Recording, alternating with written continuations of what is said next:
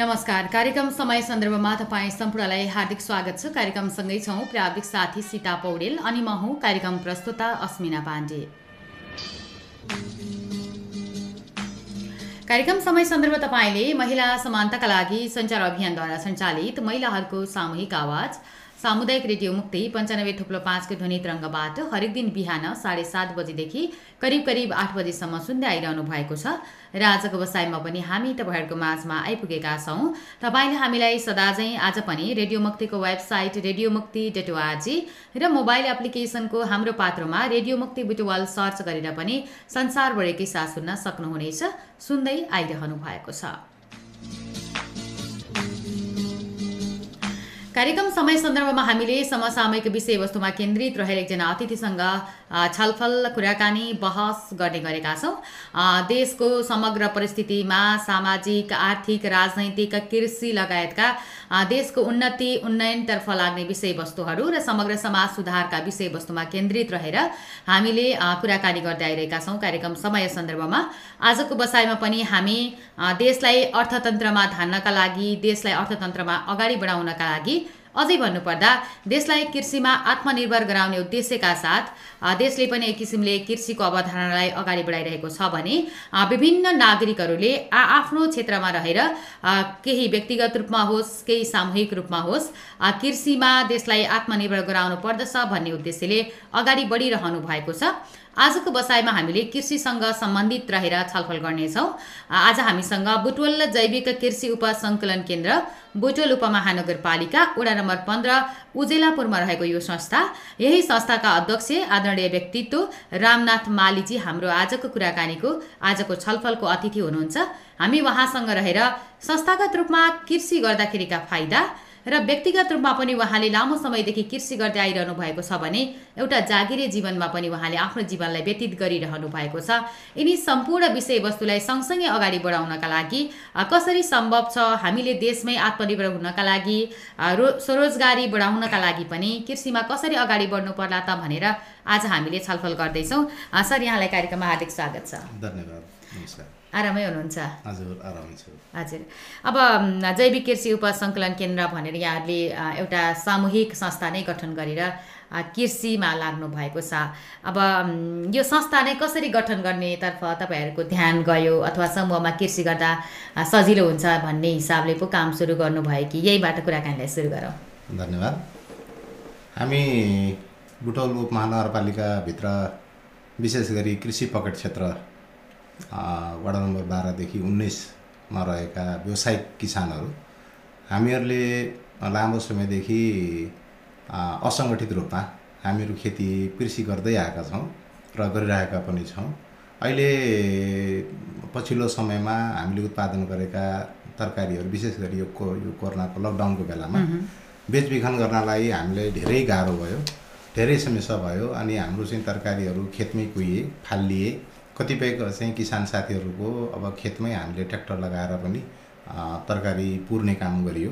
यसले गर्दाखेरि किसानहरू हाम्रो चाहिँ विशेष गरी व्यवसाय घर खेतीतो राखेर खेतीपाती गरेका किसानहरू निरुत्साहित हुन पुग्नुभयो।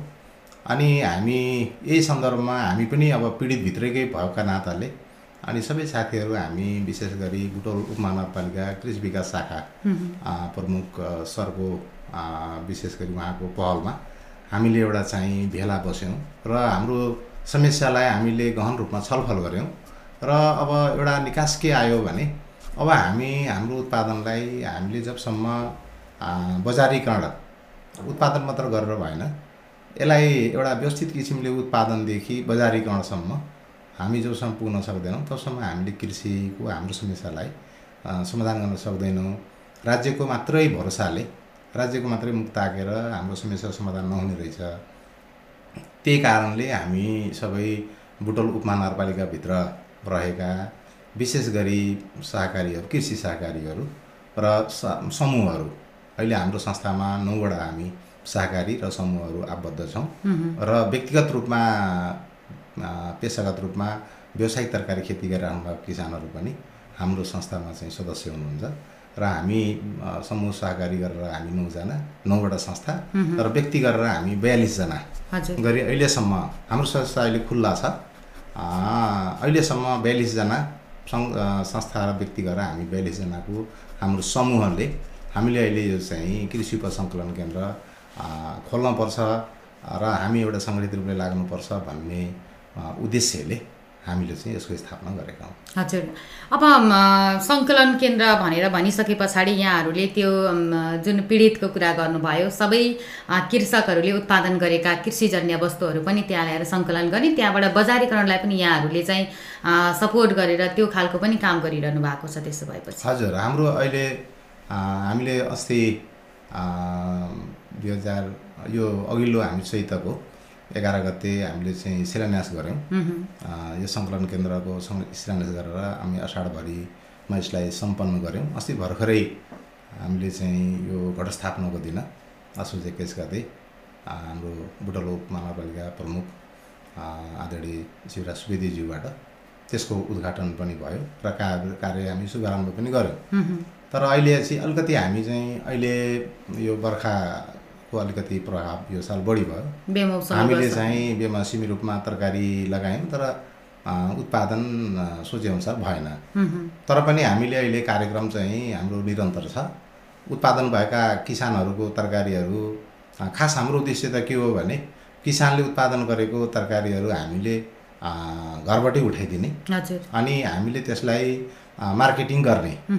तर अहिले चाहिँ के छ भने किसानहरूसँग मनग्गे मात्रामा तरकारीहरू नभएको कारणले अहिले उहाँहरूले नै आफैले सङ्कलन केन्द्रमा ल्याइदिनु भएको छ र हामीले त्यसलाई बजारीकरण गरिरहेका छौँ। हजुर। भनेपछि कृषिजन्य उत्पादनहरू सबै उत्पादनहरू चाहिँ यहाँहरूले खरिद गर्नुहुन्छ एक किसिमले ल्याउने हो भने त्यहाँ। हामीले खास हाम्रो उद्देश्य भनेको दुध र मासु बाहेक हजुर। पहिलो फेजमा हाम्रो तरकारी नै हामी फोकस गरेका छौँ। विशेष गरी अब यसमा अहिले अ, मसला बाली पनि समावेश गर्ने हो कि भन्ने साथीहरूको कुरा आइरहेको छ। अहिले हामीले चाहिँ खास तरकारी बालीमै हामी बढी फोकस छौँ। र केही साथीहरूले मसला बालीतर्फ पनि उन्मुख भइराख्नु भएको छ। हामीले चाहिँ हाम्रो कार्यक्रम के हो त भन्दाखेरि संस्थाले एउटा कार्यक्रम बनाउने र हामीसँग आबद्ध भएका हामीले चाहिँ एउटा संस्थाले सूचना जारी गरिसकेपछि हामीसँग सबै किसानहरू उहाँहरूले वर्षमा कुन कुन मौसममा कुन कुन बालीहरू कति परिमाणमा उहाँहरूले दिन सक्ने हो त्यो उहाँहरूले हामीसँग करार गर्नुपर्ने हुन्छ। सम्झौता गरिसकेपछि हामीले उहाँहरूको त्यो करारअनुसारको उत्पादनको बजारको ग्यारेन्टी हामी गर्छौँ। खरिदको ग्यारेन्टी हामी गर्छौँ। उहाँहरूको काम भनेको उत्पादन गर्ने हो। तर उत्पादनमा मात्रै उत्पादन उहाँहरूको मात्रै जिम्मा हो भन्ने होइन। उत्पादनमा हामीले उहाँहरूको माटो परीक्षणदेखि लिएर जुन करार गर्नुभएको छ उहाँहरूको चाहिँ कुन बाली लगाउने हो? हाम्रो संस्थाले त्यो बाली सेरिगेसन गर्छौँ हामीले। कुन किसानले जरेबाली लगाउने कुन कुन किसानले चाहिँ मसला बाली लगाउने कुनले फल बाली लगाउने फुल बाली लगाउने त्यसलाई सेरिगेसन गरिसकेपछि त्यही अनुसारको सम्झौता अनुसारको उहाँहरूलाई हामीले बिउ पनि संस्थाबाटै हामी बिउ दिन्छौँ। मलहरू हामी जैविक मल दिन्छौँ। यो संस्था भनेको विशेष गरी हामीले जैविक तरकारी उत्पादन गर्ने उद्देश्यले स्थापित भएको हो। त्यसले गर्दाखेरि हामीले चाहिँ सदस्यहरूलाई जैविक मल पनि हाम्रो संस्थाबाट उपलब्ध गराउने र अनि उहाँहरूलाई प्रविधि पनि हामी दिन्छौँ। सँगसँगै उहाँहरूलाई जैविक खेती गर्ने प्रविधि पनि हामी दिएर उत्पादन सकेसम्म जैविक होस् स्वस्थकर होस् र हामीले त्यो उत्पादनलाई एउटा एउटा अर्ग्यानिक तरकारी एउटा जैविक तरकारीलाई एउटा चाहिँ नाम दिएर एउटा पहिचान दिएर हामीले बजारमा बुटौल बजार हाम्रो चाहिँ नजिकको बजार हाम्रो नजिकमा रहेको तिलोत्तमा बजार छैन महिना बजार यी बजारहरूमा अहिले विशेष गरी भारतीय अत्याधिक मात्रामा विषादी प्रयोग भएको तरकारीहरू उपभोक्ताहरूले पैसा तिरेर खाइराख्नु भएको छ। ती त्यसबाट मुक्ति दिलाउनको लागि र आम नेपालीलाई एउटा स्वस्थकर जीवनयापनमा थोरै भए पनि टेवा पुऱ्याउने उद्देश्यले हामीले जैविक तरकारी उत्पादन गर्ने भन्ने उद्देश्यले गरेका छौँ र त्यसमा हाम्रो चाहिँ किसानहरूलाई सबै प्रकारको सहयोग। तर उहाँहरू चाहिँ के हुनु पऱ्यो भने हाम्रो संस्थासँग आबद्ध हुनु पऱ्यो संस्थामा करार गर्नु पऱ्यो करार गरिसकेपछि बल्ल उहाँहरूको उत्पादनलाई हामीले बजारसँग हामी लिङ्क गर्छौँ।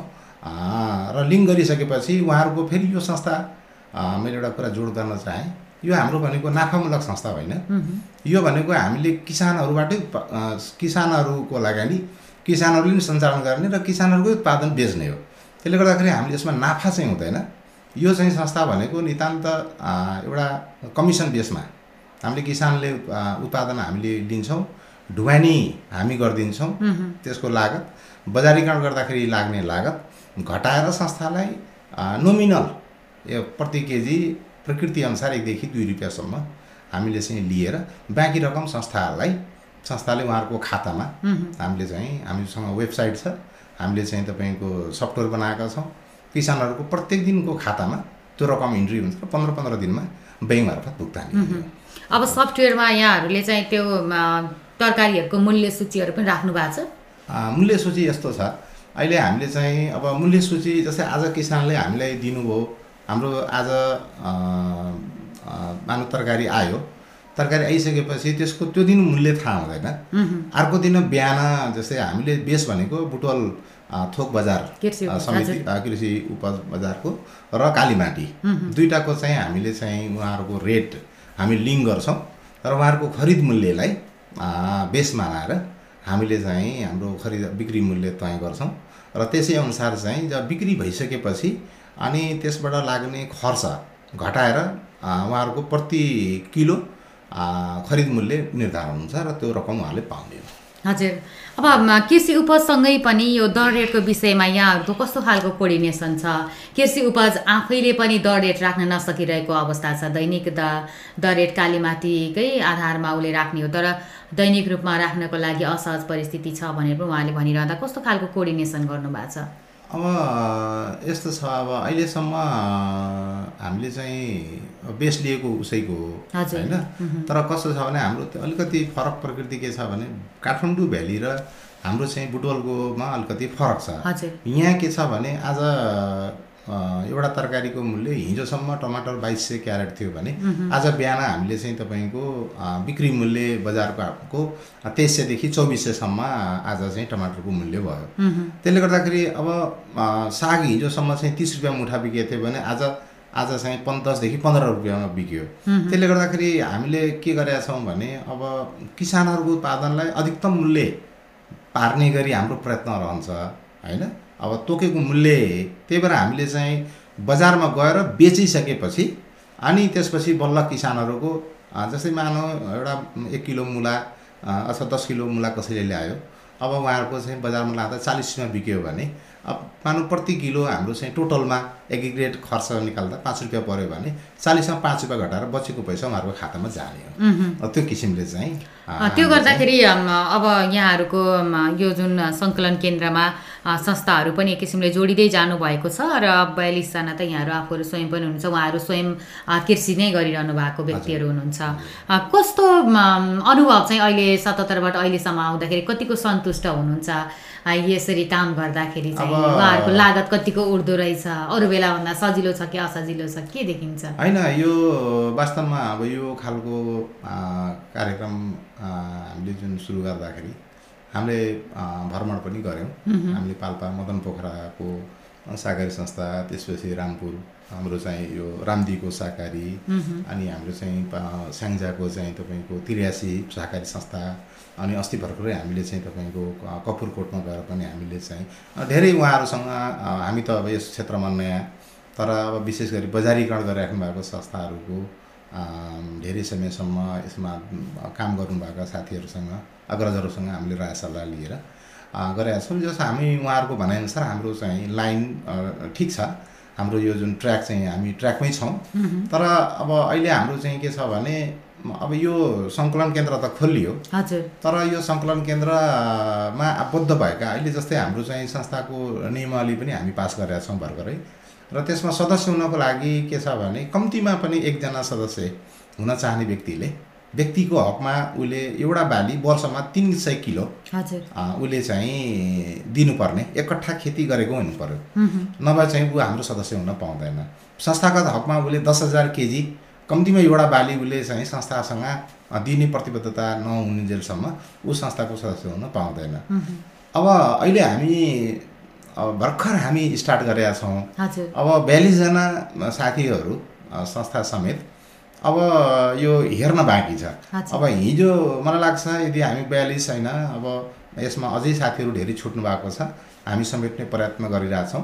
र यदि सबैजना यसमा इन्भल्भ हुनुभयो भने मलाई लाग्छ यो एउटा कोसे ढुङ्गा साबित हुन सक्छ। र यसले किसानहरूको स्तरोन्नति हुन्छ। किनभने अहिले हामीले चाहिँ म एउटा आफै किसान भएको नाताले पन्ध्र वर्षदेखि हामीले चाहिँ जस्तै बुटवल मन्डीमा ल्याएर हामी तरकारी दिँदाखेरि हाम्रो कुनै तरकारीको कुनै मूल्य चाहिँ पर्दैन। तर चाहिँ अब हामीले व्यापारीहरूले दिँदा अब बिचौलियाहरूको बिगबिगी छ। यो बिगबिगीबाट चाहिँ किसानले मुक्त गर्ने र हाम्रो उत्पादन हामी आफै किसानले खरिद्ने र हामी आफै उपभोक्ताहरूको माझमा सकेसम्म पुर्याउन सकियो भने यसले चाहिँ जुन बिचको चाहिँ ग्याप हो त्यो रकम किसानको चाहिँ पकेटमा गयो भने निश्चय पनि किसानको आर्थिक स्थिति राम्रो हुन्छ भन्ने विश्वास लिएका छौँ मह्म। अब यसमा चाहिँ बिचौलियाको कुरा पनि गर्नुभएको छ त्यसमा फेरि आउनेछु। अब यो यसरी सङ्कलन केन्द्र कृषि उपज केन्द्र यहाँहरूले चाहिँ निर्माण गरेर अथवा स्थापना गरेर यसरी काम गरिरहँदाखेरि चाहिँ महिलाहरूको सहभागिता कृषिमा अथवा उपज केन्द्रमा सङ्कलन केन्द्रमा चाहिँ महिलाहरूको सहभागिता कति छ? संस्थागत रूपमा व्यक्तिगत रूपमा चाहिँ कति महिलाहरू तपाईँहरूसँग सँगसँगै हुनुहुन्छ अहिले? हाम्रो यो बुटवल जैविक कृषि सङ्कलन केन्द्रमा महिलाहरूको सहभागिता उत्साहजनक छ। यसमा हाम्रो चाहिँ जस्तै उर्वरशील महिला कृषि स महिला चाहिँ समूह त्यसपछि सिद्धबाबा तरकारी उत्पादक महिला समूह त्यसमा चाहिँ विशेष गरी महिलाहरूबाटै सञ्चालित भएको संस्था हो। त्यसमा पनि अब जस्तै बुटवल स्मार्ट कृषिमा पनि महिलाहरूको मनग्गै उपस्थिति छ। मेरो आफ्नो चाहिँ संस्था बुटवल जैविक तरकारी उत्पादक कृषक समूह त्यसमा पनि महिलाहरू छ हुनुहुन्छ होइन? त्यस्तै गरेर अरू व्यक्तिगत रूपमा पनि धेरै महिलाहरू चाहिँ यसमा पुरुषहरूभन्दा तरकारी खेतीमा महिलाहरूको चाहिँ इमान्दारिता रुचि र लगाव बढी देखियो। र हाम्रो यो संस्थामा पनि बुटोल नगरपालिकामा एकदम समाजमा दखल राखेका महिला जीवहरू पनि हाम्रो समितिमा पनि हुनुहुन्छ। महिलाहरूको उप- उपस्थिति कृषिमा राम्रो छ र अझै पनि अब मलाई लाग्छ जति हुनुहुन्छ उहाँहरूबाट अझै पनि बढी महिलाहरूको सहभागिता बढाउन सक्यो भने यसले अझै बढी सहज चाहिँ ल्याउँछ। हजुर अवश्य पनि।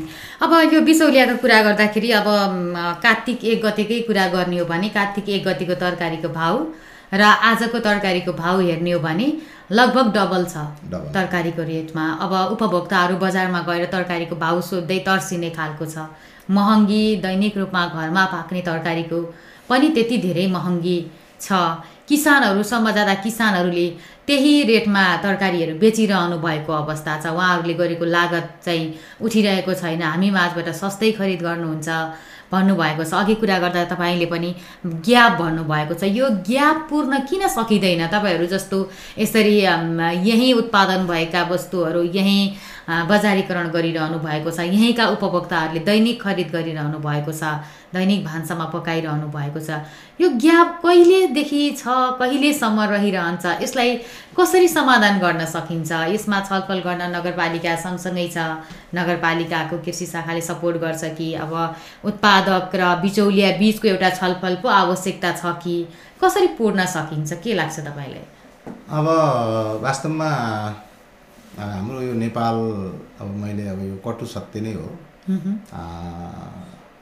हाम्रो नेपालमा हामी यो चाहिँ पुरै बिचौलियाले यो तरकारी कृषि क्षेत्र पुरै बिचौलियाको सेटिङमा चलिरहेको हामी प्रत्यक्ष रूपमा महसुस गरेका छौँ। तपाईँको हाम्रो बुटोल नगरपालिकाभित्र रहेको कृषि बजार छ होइन? त्यहाँ अहिले पनि तपाईँ बिहान चाहिँ चार बजे तिन बजे चार बजेदेखि जानुभयो भने त्यहाँ स्थानीय किसानहरूले तरकारी बेच्नको लागि भित्र ठाउँ पाउनुहुन्न। उहाँहरूले बाटोमा बाटोमा मोटरसाइकलमा ल्याएर साइकलमा ल्याएर टोकरीमा ल्याएर तरकारी त्यो बाटोको चाहिँ छेउछाउमा बेच्नुपर्छ। र जब चाहिँ पाँच बज्छ छ बज्छ नगरपालिकाका चाहिँ हाम्रो चाहिँ यो नगर प्रहरी भाइहरू आउनुहुन्छ कर्मचारीहरू आउनुहुन्छ उहाँहरूले चाहिँ अब उहाँहरूको नियमअनुसार अब त्यहाँ बेच्न पाइएन। बाटो हिँड्ने मान्छेलाई फारो हुन्छ भनेर लखेट्नुहुन्छ अब त्यसमा हामी पनि भुक्तभोगी छौँ। होइन? अब त कतिपय तरकारी फालिदिने हुन्छ अहिले तरकारी फालेर हिँड्नुपर्ने स्थिति छ। त्यो खालको अवस्था छ। बुटवलको चाहिँ जुन हाम्रो कृषि बजार छ त्यहाँ हामी किसानहरूको पहुँच छैन। र यो के छ भने अब उहाँहरूको फेरि उहाँ यति मात्रै सीमित छैन। उहाँहरू फेरि गुल्मी पाल्पा स्याङ्जा अ, सल्यानदेखि धार्केसम्मका सबै बजारमा उहाँहरूको एजेन्टहरू छन्। र उहाँहरूले त्यहीँ गएर उहाँहरूको चाहिँ के छ भने मोनोपली छ। उहाँहरू चाहिँ किसानसँग तरकारी किसानले डोकोमा बोकेर ल्याएको छ। उहाँहरू चारजना बसेर त्यो चाहिँ डोकोको तरकारीको मूल्य उहाँहरूले तोक्ने हो। किसानको कुनै पनि मूल्य तोक्ने अधिकार चाहिँ छैन। उसले चाहिँ जतिमा भने त्यतिमा चाहिँ तरकारी चाहिँ मैले एउटा उदाहरण दिन्छु। अस्ति हामी चाहिँ हाम्रो यो सङ्कलन केन्द्रको एउटा कार्यक्रममा हामी चाहिँ कपुरकोट त्यो कृषि बजारसँग एउटा अन्तर्क्रिया कार्यक्रम राखेका थियौँ। र हामी गइयो त्यहाँ त्यो तरकारी चठेला तरकारी त्यो जुन करेला भन्छौँ हामीले दिदीबहिनीहरूले ल्याउनु भयो त्यो चार रुपियाँ किलोमा त्यहाँका चाहिँ व्यापारीहरू त्यहाँ अठारजना व्यापारी रहेछन्। त्यो अठारजनामा बाहेक अरू मान्छेले त्यहाँ गएर त्यो किन्न पाउँदैन। हामी गएर किन्न पाइन्न। उनी व्यापारीहरूले किन्ने हो। उनी अठारजना व्यापारीले त्यसको मूल्य तोक्ने रहेछ। अनि चार रुपियाँमा त्यो बिचरा त्यो किसानले अब कहाँबाट त्यतिखेर झरी लागेको बेला थियो पानीमा रुच्दै प्लास्टिकको चाहिँ बोकेर दिदीहरू दुईजना दिदीहरू आउनुभयो ढोकोमा उहाँहरूले सित राख्नुभयो। चार रुपियाँमा बेचेर जानुभयो। अर्को दिन म फेरि सङ्कलन केन्द्रको लागि केही तरकारी लिन थियो। त्यही चटेला चाहिँ त्यही गाडीले झार्दै थियो। त्यतिखेर चालिस रुपियाँमा चाहिँ यिनीहरू बेचिरहेको थिए चार रुपियाँमा किनेको तरकारी चालिस रुपियाँसम्म यिनीहरू त्यो दिन पारे। अब यो के छ भने यो बिचौलियाहरूको एकदम धेरै जरा गाडिएर रहेको छ। अब यसमा हामी तपाईँ किसानहरूको त यसमा कुनै अर्थ छैन होइन? हामीले धेरै पटक चाहिँ अब कृषि विकास कार्यालयमा हुँदाखेरि पनि भनियो अब अहिले नगरपालिका पनि भनिरहेको छौँ। आ, तर जबसम्म यो कृषि बजारमा नगरपालिका होस् अथवा प्रदेश सरकार होस् यो चाहिँ बजारमा प्रत्येक जुन सटरहरू छ त्यहाँ चाहिँ तपाईँको समूह र सहकारीले त्यो सटर चाहिँ सञ्चालन गर्न पाउने व्यवस्था भयो भने मात्रै यो समस्या समाधान हुन्छ। नत्र अरू विकल्प चाहिँ छैन। अब यही बुटवलमै रहेर यहाँहरू वडा नम्बर पन्ध्रमा यसरी सङ्कलन केन्द्र स्थापना गरेर कृषकहरूसँग प्रत्यक्ष पुगेर त्यसरी तरकारीहरू खरिद गर्दा यही बुटवलको हाट बजारमा पनि दिनको डिब्रुङ र यहाँ गरेर हप्तामा चार दिन त बजारै लाग्छ। त्यहाँ थुप्रो तरकारी चाहिँ खपत हुन्छ। त्यहाँ पनि यो उत्पादनलाई भारतीयलाई निरुत्साहित गर्दै यसलाई चाहिँ उत्साहित गर्ने किसिमले जाउँ भन्ने खालको छलफल नगरपालिकामा कतिको चलाउनु भएको छ? कस्तो खालको प्रतिक्रिया दिनुहुन्छ? हामीले चाहिँ अब छलफल त भएको छ तर कस्तो छ भने जुन हाम्रो जुन बुटवल मन्डी छ जुन थोक बजार छ त्यो भनेको मूल हो। त्यहाँबाट चाहिँ नेपाली दाजुभाइ दिदीबहिनीहरू थुप्रै व्यापारीहरू बिहान त्यसैमा आश्रित हुनुहुन्छ। उहाँहरू त्यहीँबाट तरकारी किनेर लगेर बजारमा बेच्ने हो। त्यहाँ आउने तरकारी जुन जुन ठाउँबाट आउने चाहिँ तरकारी हो ती व्यापारीहरूको हुँहीसम्म पहुँच छ ती किसानहरूले चाहिँ उनीहरूले जब बुटोलमा आइसकेपछि उनीहरूले मूल्य तोक्ने हो। मूल्य तोकिसकेपछि अनि उहाँहरूले बेच्नुहुन्छ अब हाम्रो संस्थाको कुरा चाहिँ गर्दै गर्दा हामीले यो यही समस्याबाट हामी आजित भयौँ। अब हामीले चाहिँ तपाईँको हाम्रो उपजलाई कसरी बेच्ने त कसरी पुर्याउने त हामी चाहिँ हामीसँग हामीले पनि तरकारी त्यहाँ लाएर दिँदाखेरि एक त सही तौल हुँदैन। सही मूल्य कति हो भन्ने कुरा हामीले आजको मूल्य कति हो भन्नेसम्म पनि थाहा पाइँदैन। पैसा कहिले पाउने हो त्यसको पनि कुनै ग्यारेन्टी हुँदैन। अब यो के छ भने अब नबेचौँ। अब लगेर घर राख्ने गर्ने कि बेचौँ भने अब त्यसको कुनै कुनै माइने छैन। त्यसले गर्दाखेरि अब यो म मात्र होइन हामी चाहिँ अब सही मन लाग्छ हामी देशभरिकै सबै किसानहरू यो समस्याबाट पीडित छौँ। र यही पीडित भएको किसानहरू हामीले चाहिँ होइन अब यसरी कतिसम्म गर्ने? अब कि त जोगी हुनु पऱ्यो होइन भने एउटा केही गरौँ न त भन्ने हिसाबले हामीले यो सङ्कलन केन्द्र खोल्यौँ र यसबाट हाम्रो उद्देश्य के छ भने अब सङ्कलन भएको तरकारीहरू सबै प्रकारका तरकारीहरू हामी चाहिँ उत्पादन गरिसकेपछि हाम्रो आफ्नो साधन प्रयोग गरेर हामीले चाहिँ तपाईँको बजार बजारमा बजारमा पनि हाम्रो उपस्थिति जनाउने अनि त्यसपछि गएर हामीले एउटा बुटोल नगरपालिका त्यसपछि सैना महिना ति तिलोत्तमा पनि हामीले त्यहाँ रहेका कृषि फर्महरूसँग कोर्डिनेसन गरेर त्यहाँ पनि हप्ताको दुई दिन तिन दिन हाम्रो तरकारीहरू बेच्ने खालको हाटको व्यवस्थापन चाहिँ गर्ने सम्मको हामीले चाहिँ योजना बनाएका छौँ हेर्दै जाउँ अब अहिले चाहिँ कति दैनिक कति जति सङ्कलन गर्नुहुन्छ कति बजारीकरण गर्नु भएको छ? अहिले त हाम्रो भर्खर सुरुवात भएको छ। अब अहिले हाम्रो स्थानीय उत्पादन भनेको त्यही एक कुइन्टलदेखि दुई कुइन्टल मात्रै छ। अहिले खासै छैन। अहिले धेरै किसानको चाहिँ साग भएको छ सिमी छ भान्टा खुर्सानी र अलिकति अब कतिपय किसानहरूको चाहिँ तपाईँको अब काउली हुन लाग्छ तर हामी अहिले हाम्रो अहिले तथ्याङ्क हेर्दाखेरि हामी टेन्टेटिभ संस्थामा आबद्ध भएका सबै हिसाब गर्ने पनि हामी लगभग बिस बिघामा हाम्रो अहिले तरकारी लगाउने काम भइरहेछ। र एक महिनाभित्रै अब हामी कहाँ सबै प्रकार हाम्रो सोचेअनुसारको सबै प्रकारको तरकारीहरू हामीले चाहिँ हाम्रो सङ्कलन केन्द्रमा सङ्कलन गरेर हामी बजारीकरण गर्न सक्षम हुन्छौँ भन्ने मलाई विश्वास लाग्यो। हजुर। यो त भयो संस्थागत र अहिले देखिएका समस्याहरू अब यहाँ आफू पनि व्यक्तिगत रूपमा किसान गर्दै कृषि गर्दै आउनुभयो। हामी अब एक किसिमले परम्परागत शैलीमा कृषि व्यवसाय गर्दै आइरहेका छौँ। सबैले नै अब आफ्नो बारीमा तरकारी उत्पादन त गर्थ्यौँ नै तर अहिले आधुनिक रूपमा व्यावसायिक रूपमा कृषि गर्नेहरूको सङ्ख्या पनि हत्तै बढेर गएको देखिन्छ। कोरोनाको जुन लकडाउन पछि पनि धेरैले समूहमा व्यक्तिगत रूपमा कृषि गर्दै आउनुभएको छ। यहाँ आफू चाहिँ अब कहिलेदेखि व्यावसायिक रूपमा कृषिमा लाग्नुभयो र प्रेरणा चाहिँ कसरी पाउनुभयो? फेरि यता जागिरे जीवन पनि यहाँले आफ्नो जागिर पनि गर्दै हुनुहुन्छ। कसरी व्यवस्थापन गर्नुहुन्छ? अब खास चाहिँ अब म व्यावसायिक रूपले अब अब खेतीपाती त अब बुवा आमा किसान भएपछि हामी पनि अब सानैदेखि खेतीपातीमै गऱ्यौँ। तर व्यावसायिक रूपले मैले बैसठी सालमा मैले केरा खेतीबाट मैले आफ्नो चाहिँ व्यावसायिक कृषि कर्म सुरुवात गरेको।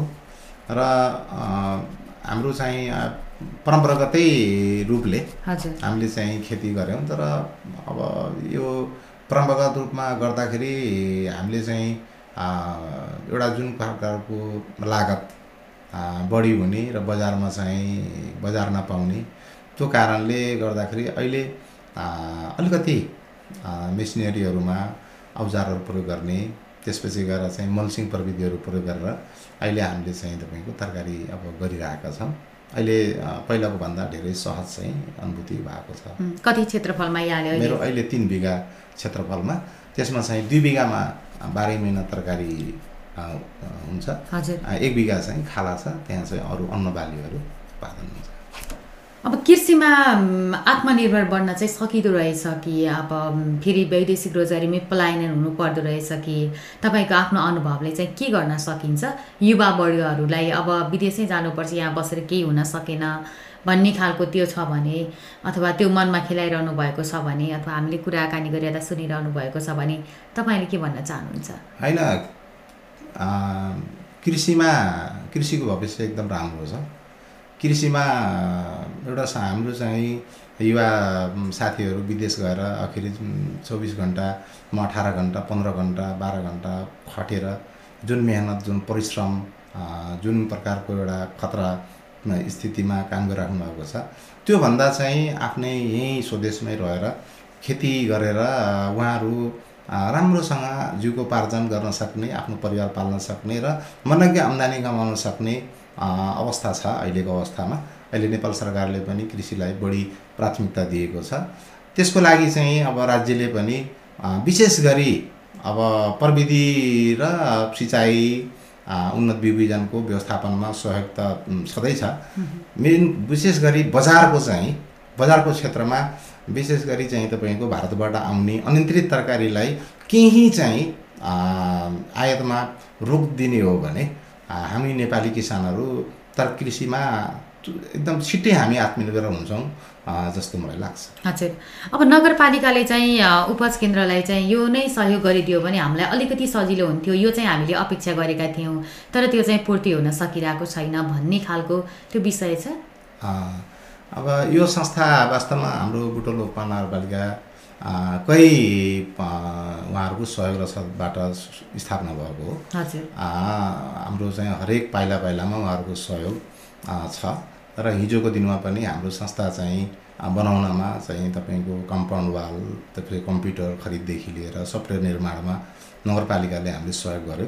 तर अहिले चाहिँ अब हामी नगरपालिका भनेको हाम्रो अभावक हो। र यो संस्थालाई राम्रो गर्न सक्यौँ भने नगरपालिकाकै एउटा गरिमा बढ्ने बढ्नेछ। त्यसको लागि हामीले अहिले तुरुन्तै एकदमै नभई नहुने भनेको हाम्रो एउटा कोल्ड रुम बनाउनु आवश्यक छ। किनभने अहिले हामीले चाहिँ दैनिक रूपमा खरिद गरेको तरकारीहरू नबिकेको तरकारी दैनिक रूपमा हामीले चाहिँ बिसदेखि पचास किलोसम्म तरकारी हामी दैनिक रूपमा खाल्टोमा पुर्दैछौँ। अब यो कति दिनसम्म पुर्ने यो एउटा चाहिँ तितो सत्य छ र यसको जानकारी हामीले चाहिँ जान मौखिक रूपमा हामी जानकारी गराएका छौँ। र आशा छ निकट भविष्यमै नगरपालिकाबाट हामीलाई यो सहयोग हुनेछ र हामीले आत्मनिर्भर हुनलाई मद्दत पुग्नेछ। हजुर। अब अन्त्यमा छौँ। अन्त्यमा चाहिँ के भन्न चाहनुहुन्छ यहाँले? अब अन्त्यमा त मैले के भनौँ अब हाम्रा चाहिँ विशेष गरी यो बुटोल उपमहानगरपालिकाभित्र कृषि पकड क्षेत्रभित्र रहेका तमाम व्यावसायिक किसानहरू आउनुहोस् हाम्रो सङ्कलन केन्द्रमा आबद्ध हुनुहोस् र सबैजना हामी बसौँ छलफल गरौँ हातेमालो गरेर हामी कसरी आत्मनिर्भर हुने हाम्रो चाहिँ उत्पादनलाई कसरी बजारसम्म पुर्याउन सक्ने र आम उपभोक्ता माझमा हामीले कसरी हाम्रो चाहिँ पहिचान कायम गर्ने कुरामा हामी छलफल गरौँ र अगाडि बढौँ यो भयो भने मात्रै हाम्रो सबैको भविष्य छ। यति नै हस् है समय र संवादका लागि यहाँलाई धेरै धेरै धन्यवाद छ। धन्यवाद। अवश्य पनि आजको बसाइमा हामीसँग कुराकानी गर्नका लागि बुटोल जैविक कृषि उपसङ्कलन केन्द्र बुटवल पन्ध्रमा रहेको छ उजेलापुरमा। सोही संस्थाका अध्यक्ष रामनाथ मालीजी हुनुहुन्थ्यो। हामी उहाँसँग रहेर जैविक कृषि उपसङ्कलन केन्द्र स्थापना गर्नुको उद्देश्य यसमा देखिएका समस्या कृषिमा बजारमा देखिएको बजारीकरणको समस्या अब के गर्न सकिन्छ भन्ने विषयमा रहेर छलफल गरेका छौँ। आजको छलफल सुनेर साथ दिनुभएकोमा तपाईँ सम्पूर्णलाई धन्यवाद। समय र संवादका लागि आजका अतिथिलाई पनि धेरै धेरै धन्यवाद दिँदै प्राविधिक साथी सीताको साथमा म अस्मिना पनि बिदा हुन्छु। तपाईँ रेडियो मुक्ति सुन्दै रहनुहोला। नमस्ते।